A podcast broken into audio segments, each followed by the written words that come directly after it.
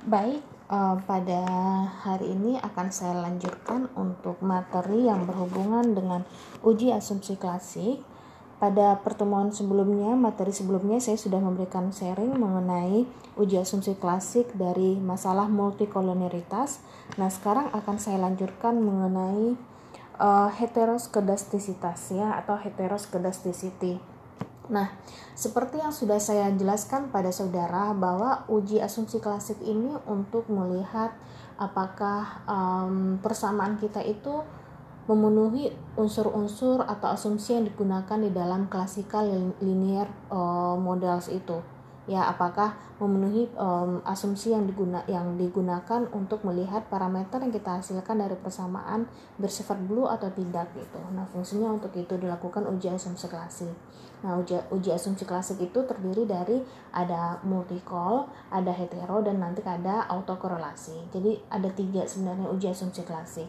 Nah, kalau sebelumnya saya mengajarkan pada saudara uji normalitas itu bukan bagian dari uji asumsi klasik, tetapi tetap kita gunakan karena asumsi normality itu digunakan di dalam asumsi-asumsi di dalam persamaan regresi linear dengan teknik OLS. Uh, sebagai catatan ya, untuk uji asumsi klasik ini hanya digunakan apabila regresi saudara menggunakan tekniknya OLS ya. Regresi itu tekniknya banyak dan ikuti dan saya saya ajarkan ini adalah baru yang OLS-nya pada saudara. Oke, nah sekarang kita lihat apa yang dimaksud dengan uh, heteroskedastisitas. Um, untuk bahannya itu bisa saudara ambil dari yang sudah saya, saya share minggu lalu pada saudara yang sebelumnya yang gabungan antara multicol itu di bawahnya ada hetero bisa saudara baca di, di sana dan kemudian saudara juga bisa menggunakan bukunya si Agus Sudarjono saya juga mengambil bahannya dari sana ya oke Nah, sekarang kita lihat definisi dari heteroskedastisitas ini. Nah, heteroskedastisitas ini adalah lawan dari homoskedasticity. Nah, saudara sudah tahu bahwa di dalam persamaan regresi dengan teknik OLS, kemarin sudah saya ajarkan bahwa ada satu asumsi yang digunakan, yaitu error dari persamaan yang kita gunakan sifatnya adalah sama. ya Kita kan punya banyak data nih, baik itu data time series kah, cross section kah, atau data panel gabungan antara time series dengan cross section. Nah, tiap tiap data itu itu kan ada nilai errornya, ya nilai errornya itu. Nah, mau di sini dikatakan bahwa itu bisa saudara lihat di buku Agus Sudarjono halaman 23 ya. Uh, asumsi yang nomor 4 dikatakan varian dari varian dari variabel gangguan error adalah sama. Jadi error tiap data yang kita gunakan itu mempunyai variasi yang sama gitu loh. Jadi sifatnya seragam antara data pertama sampai data keberapa yang saudara gunakan. Nah itu disebut dengan homoskedastisitas ya. Jadi semuanya sama nilai varian error errornya dari data yang kita gunakan. Nah di dalam kondisi yang uh, penelitiannya apakah selalu terjadi seperti itu? Nah, kadang-kalanya hal itu tidak terjadi ya. Hal itu tidak tidak terjadi uh, error varian error itu di antara data-data yang kita gunakan tidak sama ya. Nah, apa sih yang yang bisa menyebabkan terjadinya heteroskedastisitas ini? Kenapa sih varian error dari data-data yang kita gunakan bisa tidak seragam? Nah, penyebabnya yang pertama ya itu ya um, seperti halnya saudara belajar ya kalau kita belajar itu kan semakin lama tingkat kemampuan kita itu akan semakin berbeda kan semakin meningkat. Nggak akan sama kemampuan saudara pada saat awal belajar dengan misalnya udah satu bulan belajar dua bulan atau seterusnya itu nggak sama. Pasti terjadi peningkatan. Nah itu disebut dengan situasi error learning ya.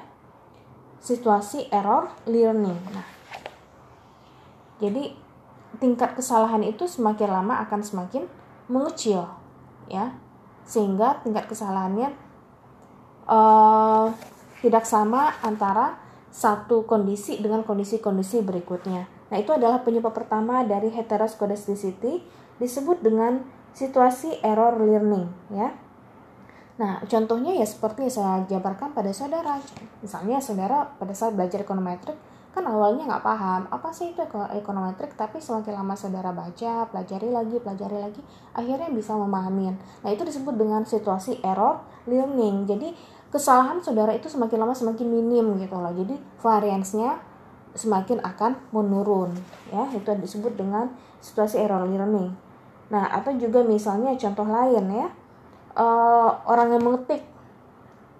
Pada awalnya kan ketikan itu salah-salah semua nah tapi semakin lama tingkat kesalahan dia dalam mengetik itu juga semakin akan turun. Itu disebut dengan situasi error learning. Jadi kalau kita gambarkan kurvanya ya kalau homoskedastisitas tadi kurvanya sama aja bentuknya semuanya. Dari um, data yang kita gunakan misalnya dari data 1, data 2, data 3 itu bentuk kurva itu sama semua gitu, sama besarnya semua. Tapi kalau heteroscedasticity ini data 1, data 2, dan data 3 itu uh, kurvanya akan lama semakin mengecil. Jadi pertamanya besar, kemudian yang keduanya mengecil, semakin lama semakin mengecil ya. Itu disebut dengan situasi error learning. nah, yang kedua, penyebab dari heteroscedasticitas adalah kemampuan diskresi, ya kemampuan diskresi atau peningkatan pendapatan. Nah, kemampuan diskresi atau peningkatan pendapatan. Nah, biasanya individu yang memiliki pendapatan tinggi akan lebih bervariatif dibandingkan dengan orang yang berpendapatannya rendah, ya. Jadi kalau orang berpendapatan rendah, variasi pendapatannya paling segitu-segitu aja gitu loh, tetap gitu ya.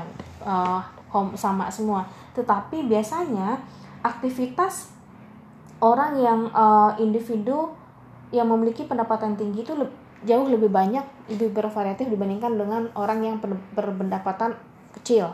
Nah itu disebut dengan kemampuan diskresi atau kemampuan mengembangkan gitu loh. Nah ini dilihat pada peningkatan pendapatan. Contohnya pada peningkatan pendapatan. Ya orang yang punya pendapatan misalnya bermiliar-miliar itu kan bisnisnya banyak ya. Kegiatannya banyak bisnis A bisnis B dan seterusnya. Sedangkan kalau misalnya orang yang hanya pendapatannya um, um, misalnya cuman sebagai um, pegawai aja. Nah otomatis dia hanya melakukan aktivitasnya sebagai pegawai aja itu doang untuk dapatin uangnya gitu loh. Nah itu beda dengan orang yang berpendapatan tinggi. Dia banyak sumber kegiatannya. Itu disebut dengan kemampuan diskresi. Jadi antara satu satu respon uh, satu responden dengan responden lain itu akan berbeda. Kalau uh, um, tingkat pendapatannya itu semakin meningkat gitu loh. Nah kemudian yang berikutnya penyebab heteroscedasticity ini adalah perbaikan teknik pengambilan data ya. Jadi semakin bagus data yang diambil itu kan berarti uh, error data akan semakin turun kan. Itu akan menyebabkan terjadinya heteroscedasticity itu juga. Nah, kemudian yang paling sering terjadi ini yang paling sering terjadi dalam penelitian itu adalah adanya keberadaan outlier. Outlier itu kan adalah sesuatu hal yang beda ya, satu hal yang beda. Ya misalnya ini uh, kita mau melihat orang yang berpendapatan satu bulannya 10 juta ya di dalam satu grup misalnya. Nah, satu grup itu ada 25 orang. Kita mau melihat ya. Ini grupnya orang yang berpendapatan Eh, uh, 10 juta per bulan misalnya di dalam satu grup yang 25 orang tadi. Tapi kalau di dalam grup tersebut, misalnya ada satu orang di antara 25 itu yang berpendapatan 30 juta. Nah, itu disebut dengan outlier, ya. Jadi, kalau kita buat sebaran titiknya, berarti kan yang yang, lain itu kan sama semua, sekitar 10 juta kan, sama semua. Tapi yang satu ini yang 30 juta itu itu kan jauh sendiri ya berada di di luar uh, yang 10 juta itu nah itu disebut dengan outlier ya jadi orang yang berperilaku beda itu itu bisa juga disebut dengan outlier ya nah jadi outlier inilah yang menyebabkan terjadinya heteroscedasticity ya. Itu adalah penyebabnya. Nah berikutnya adalah masalah spesifikasi. Nah ini biasanya terjadi kalau um, populasi kita itu adalah nonlinear yang biasanya eksponensial. Nonlinear itu kan ada yang kuadratik dan ada yang eksponensial kan. Nah kalau kita paksakan dia menjadi linear itu biasanya akan cenderung menyebabkan ter, e, membawa pada heteroskedastisitas heteroskedastisitas juga jadi ada lima faktor yang menyebabkan terjadinya heteroskedastisitas yang pertama situasi error learning yang kedua kemampuan diskresi Yang ketiga, perbaikan teknik pengambilan data. Yang keempat, keberadaan outlier. Yang kelima adalah masalah spesifikasi. Ya, itu adalah penyebab kenapa sih heteroskedastisitas ini bisa terjadi. Nah, sekarang kita lihat kalau seandainya persamaan yang kita hasilkan itu ya saya bawakan pada persamaan yang sudah kita pelajari ya kan di sana kan ada nilai. Um, contoh persamaannya adalah persamaan penelitian kita y sama dengan alfa 0 tambah alfa tambah uh, alfa 1 x1 tambah alfa 2 x2 tambah error. Nah kalau seandainya seandainya persamaan tersebut mengandung heteroskedastisitas apa sih dampaknya terhadap persamaan yang bakal kita hasilkan? Nah konsekuensi dari keberadaan heteroskedastisitas ini ini bisa saudara lihat di dalam buku Agus Sudarjono halaman halaman ini ya halaman 114 dan 115 ya jadi kalau seandainya kita menggunakan persamaan nih, persamaan kita estimasi itu output kita dari persamaan itu mengandung heteroskedastisitas. Nah, apa sih dampaknya terhadap persamaan? Nah, persamaan kita itu kan punya parameter ya. Ada parameternya itu ada um, alfa 0, alfa 1, alfa 2 dan seterusnya itu adalah parameternya. Nah, kalau persamaan kita mengandung heteroskedastisitas, maka parameter yang dihasilkan yang misalnya kita ambil adalah alfa 1, berarti alfa 1 itu adalah koefisien dari X1 ya. Nah, berarti alfa satunya itu akan bersifat ya mempunyai ciri-ciri uh, masih tidak bias. Jadi dia tidak bias. Di sini estimasi metode OLS OLS masih linear. Ya jadi bias dia masih tidak bias kemudian dia masih linear. Tetapi yang ketiga cirinya adalah dia tidak lagi mempunyai varian yang minimum. Ya no longer base. Ya. kalau uh, suatu persamaan regresi memenuhi classical linear regression models itu dia akan menghasilkan persamaan yang blue. Ya parameternya adalah parameter yang blue. Blue apa tadi best linear uh, unbiased estimator ya. Itu kalau dia memenuhi semua asumsi. Tapi kalau satu asumsi dilanggar misalnya hetero yang dilanggar terjadi variannya itu adalah bersifat tidak sama tapi uh, berbeda satu sama lain dari data yang kita gunakan.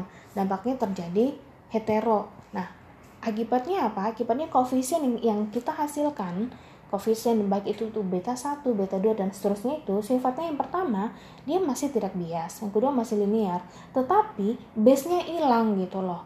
Jadi ya kalau kita ambil kata-kata blue tadi, maka base-nya hilang yang tinggal itu hanya lu. Lu itu apa? Linear ya, unbiased estimator. Jadi uh, tidak lagi mempunyai varian yang minimum, artinya standar error dia ini besar gitu loh ya standar errornya besar. Nah, apa jadinya kalau base-nya hilang?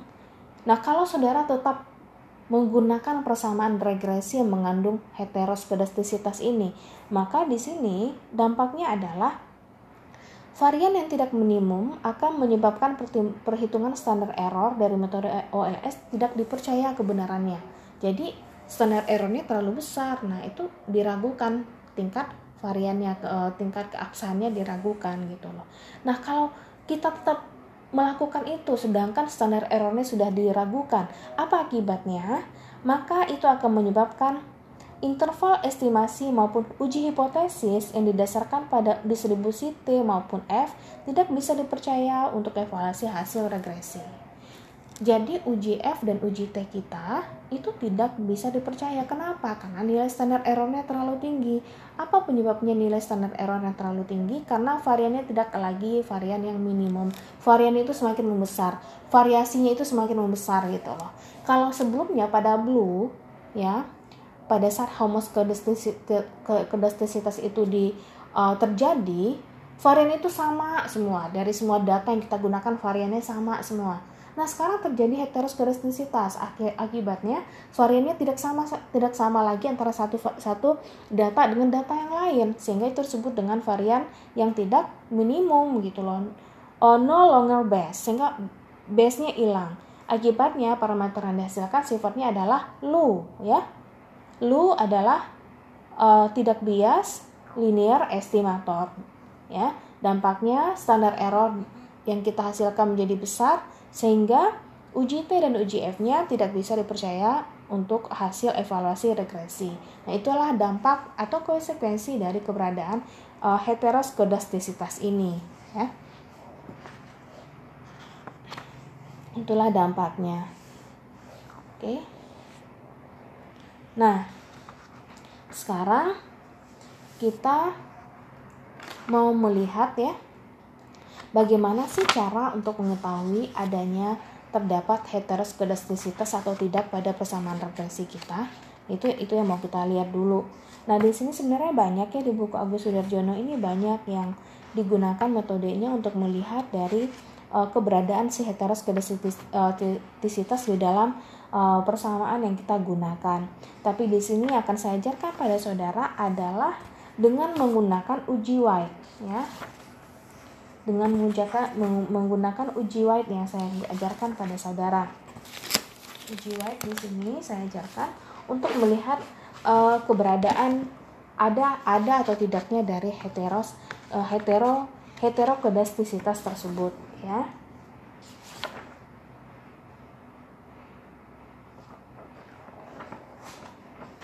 Oke, okay, ya sebenarnya yang paling sederhana itu biasanya pakai teknik ini teknik deteksi itu teknik informal. Tapi kalau saya lebih menyarankan pada saudara teknik informal itu ada beberapa kelemahannya juga. Uh, dibandingkan dengan uji yang lain tingkat akurasinya lebih baik uji lain dibandingkan dengan uji deteksi yang pakai diagram itu. Jadi saya sarankan coba pakai uji yang lainnya. Sini ya di sini yang mau saya ajarkan pada saudara adalah uji white ya. Nah bagaimana sih cara melakukan uji white-nya itu? Nah di sini saya langsung ajarkan pada saudara silakan dibuka uh, contoh yang saya berikan pada saudara itu kan ada regresi permintaan ayam ras ya. Kan ada tuh eviusnya di sana. Nah silakan dibuka itu. Silakan saudara buka.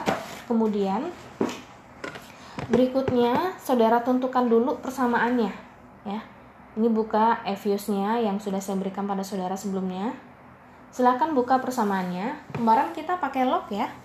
Pakai log ya. Jadi di sini ulang uh, estimasi dulu nih persamaannya ya. Kita estimasi dulu persamaannya.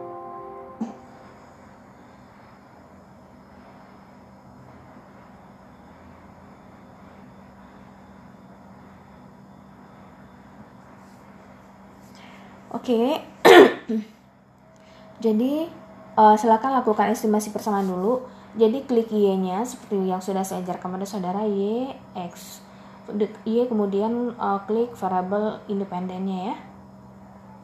Kemudian klik kanan as equation dan silakan bentuk dalam persamaan log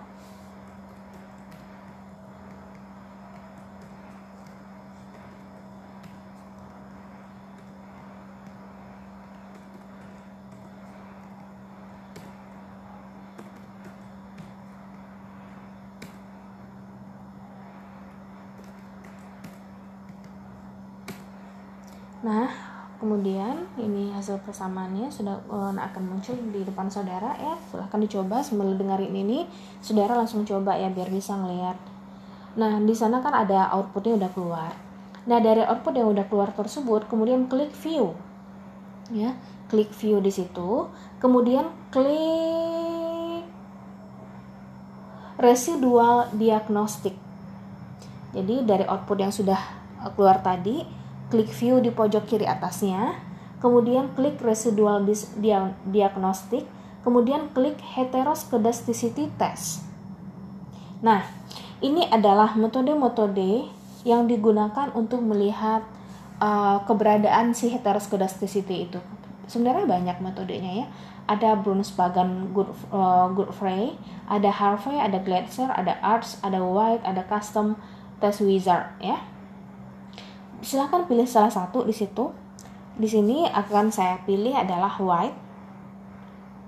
Kemudian uh, bisa sertakan di di samping pojok kanan itu kan di bawah uh, the white itu ada di dalam kotak box. Itu include with uh, include include white uh, cross trim ya. Silakan di di ini di di apa?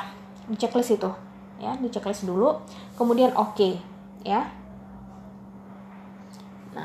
oke nah akan keluar hasilnya nah di sini hasilnya yang bagian pojok atas itu ada F statistik kemudian ada probability-nya F statistik itu kan sama dengan F hitung ya kemudian ada uh, observasi dikalikan dengan R square-nya kemudian uh, ada tampilan-tampilan berikutnya. Nah, aturannya di sini ya. Rule of thumb-nya adalah untuk uh, heteroscedasticity ini ya, untuk uji White rule of thumb-nya kesimpulannya untuk menentukan apakah dia mengandung heteroskedastisitas atau tidak. Ya, rule of thumb-nya adalah jika nilai um, jika nilai observasi dikalikan dengan R square lebih besar daripada nilai uh, yang di tabelnya, ya, maka model tersebut itu disebut dengan mempunyai um, masalah heteroskedastisitas. Oke, nah atau yang paling singkatnya bisa juga saudara ambil dari sini kesimpulannya untuk menyimpulkan apakah modelnya mengandung heteroskedastisitas dengan mengambil uh, dulu uh, hipotesisnya ya. Ini hipotesis yang digunakan untuk menguji uji heteroskedastisitas ya. Uji hipotesisnya untuk uji hetero heteroskedastisitas adalah H0 itu tidak ada hetero. Kemudian HA itu ada hetero ya. Yang Hipotesis yang barusan saya sebutkan itu berlakunya untuk heteroskedastisitas ya uji uji heteroskedastisitas baik nanti pada uji White kah, uji Barnes-Page dan uji-uji lain itu sama semua hipotesisnya. Jadi H0-nya itu adalah tidak ada hetero dan HA ada hetero ya. Nah, untuk kesimpulannya ya saudara bisa ambil nilai dari probability value yang f-nya di atas ini ya f ini ini kan di sini kalau di tempat saya itu adalah 0,2840 ya nah ini kan berarti nilai probability-nya ini nilainya kan besar nih daripada alfa ya baik kepada alfa satu persen dua persen eh, alfa satu persen 5% dan juga 10%. Nah, kalau probability besar daripada alfa, kira-kira ini terima H0 apa HA?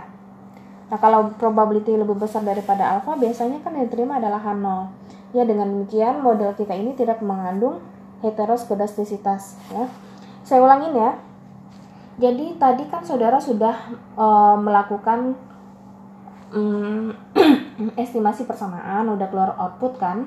Kemudian outputnya di bagian pojok atasnya ada view, kemudian klik view tersebut kemudian residual diagnostiknya, kemudian ambil heteroskedasticity-nya, ya kemudian ambil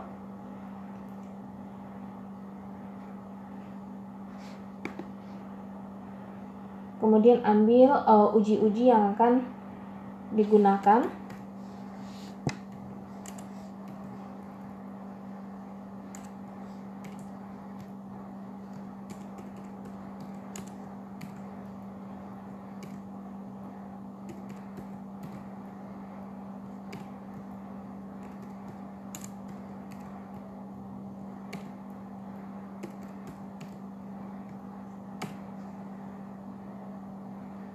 Oke, ini ini setelah tadi outputnya uh, diambil, kemudian ada view, kemudian ada ada ada residual diagnostik, ada heteroskedasticity test.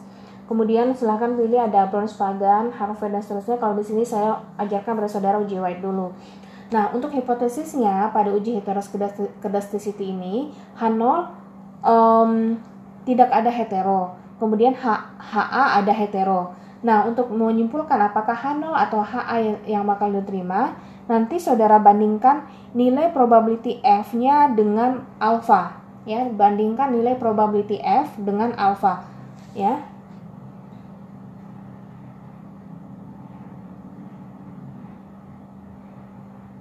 Nah, Kalau di sini nilai probability F-nya adalah sebesar 0,2840 untuk uji white.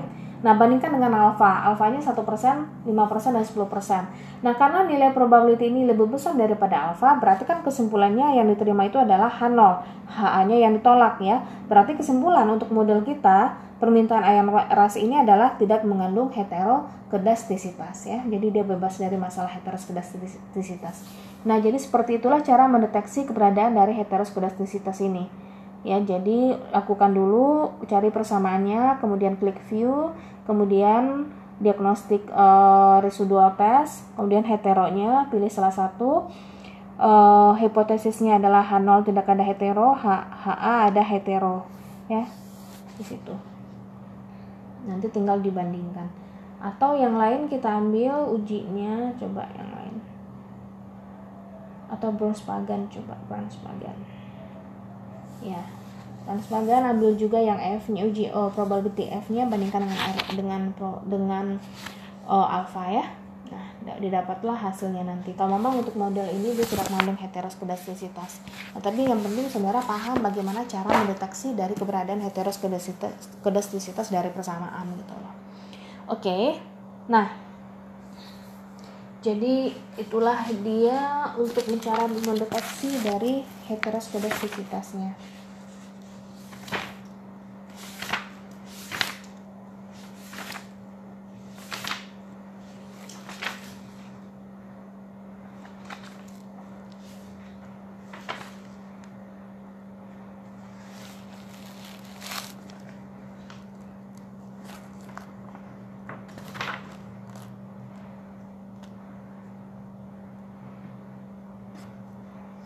Nah, sekarang uh, saya lanjutkan.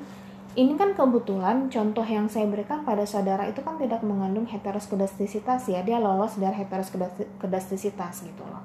Nah, gimana sih kalau nanti seandainya model yang saudara gunakan itu ternyata persamaan estimasi yang saudara hasilkan itu mengandung heteroskedastisitas. Kemudian langkah apa sih harus dilakukan untuk mengatasinya?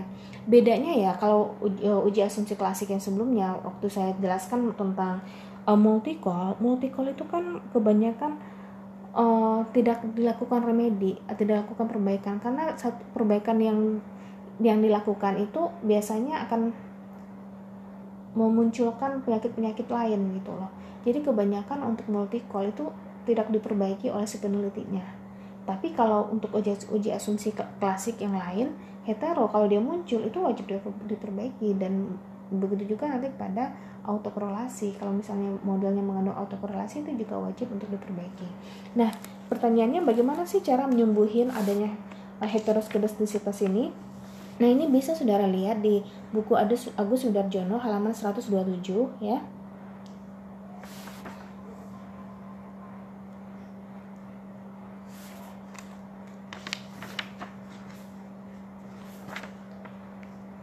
Nah, ini adalah apabila um, heteros untuk gangguan varian yang gangguan variabel untuk varian variabel gangguan yang tidak tidak diketahui.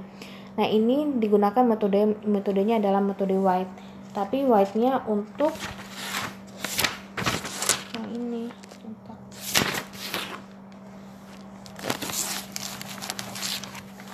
Nah, ini uh, bisa Saudara lihat nanti lebih detailnya di halaman 135 ya. 135 ya um, penyembuhan heteroskedastisitas dengan white dan Newey test ya Oke, ini contohnya sudah ada di sini. Silahkan saudara baca nanti halaman 135 di Agus Sudarjono. Kalau di buku saya halaman 135 itu. Oh, dia di sana di lampiran running reviews-nya yang bab 7 ya, ntar baca di sana ya. Ini um, Silahkan baca nih lampirannya nanti saudara baca untuk mau nambah pemahaman saudara. Jadi untuk penyembuhan heteroskedastisitas dengan White dan Newey test, metode White atau Newey test merupakan metode koreksi standar error ya atau untuk mengkoreksi heteroskedastisitas. Nah, EVIUS menyediakan metode penyembuhan dari White maupun uh, Newey test tersebut. Nah, uh, oke, okay. langkahnya di sini Nah sekarang kita ambil aja yang ini ya, yang contoh kita ini tadi yang yang uh, saya berikan pada saudara itu. ini diumpamakan ini ini ada mengandung hetero. Dari data ini aja dulu kita gunakan tapi walaupun memang hasilnya tidak mengandung hetero ini ini kita umpamakan dulu aja dia mengandung hetero gitu loh supaya saudara paham bagaimana cara penerapannya. Untuk kalau seandainya nanti dia mengandung hetero gitu loh. Di sini aja kita mencontohnya dulu penggunaan data. Tapi bukan berarti bukan berarti uh, walaupun dia lolos dari hetero terus saudara menggunakan uh, langkah ini enggak ya. Ini kalau untuk contoh aja sebenarnya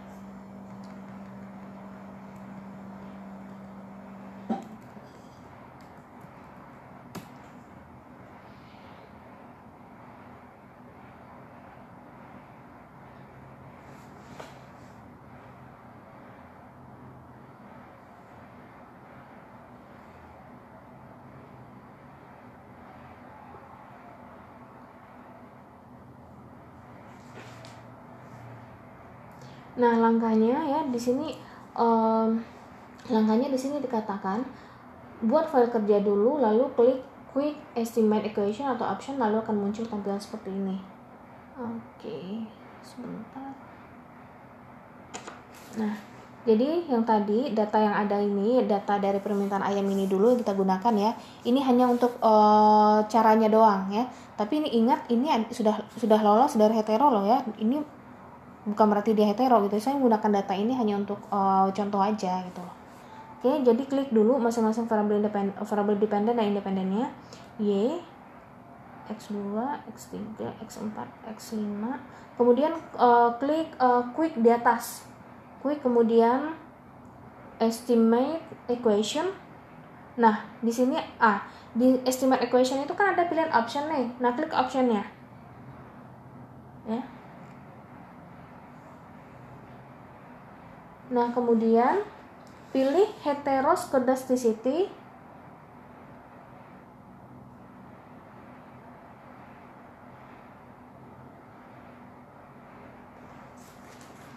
pilih heteroscedasticity consistent covariant atau white atau no test ya.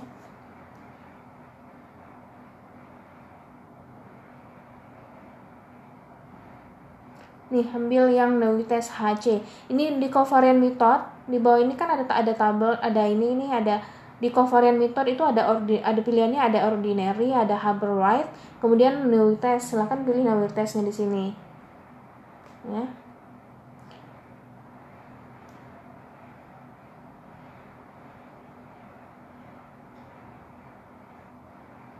Kemudian oke. okay. oh, sorry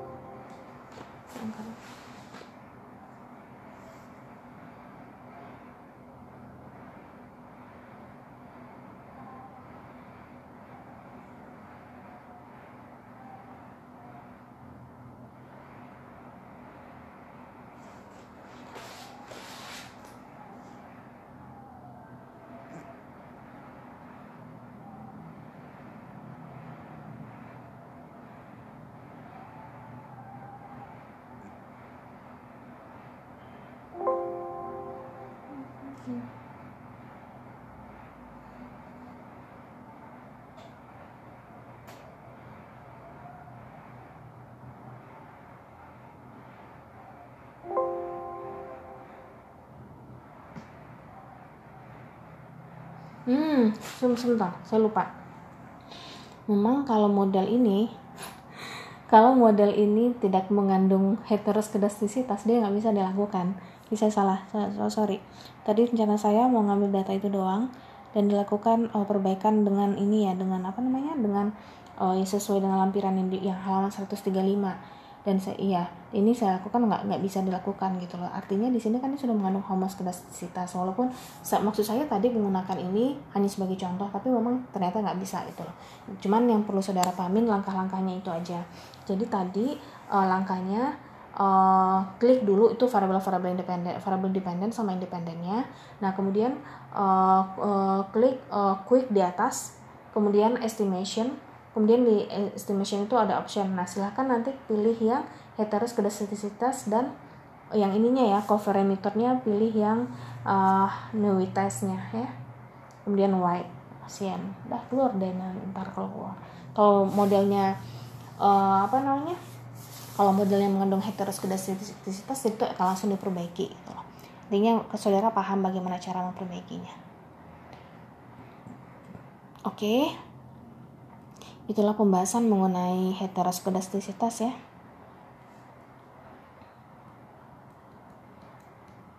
Simple aja saya berikan supaya lebih saudaranya lebih paham. Nah, silakan untuk yang mau bertanya, silakan bertanya. Silakan lempar di grup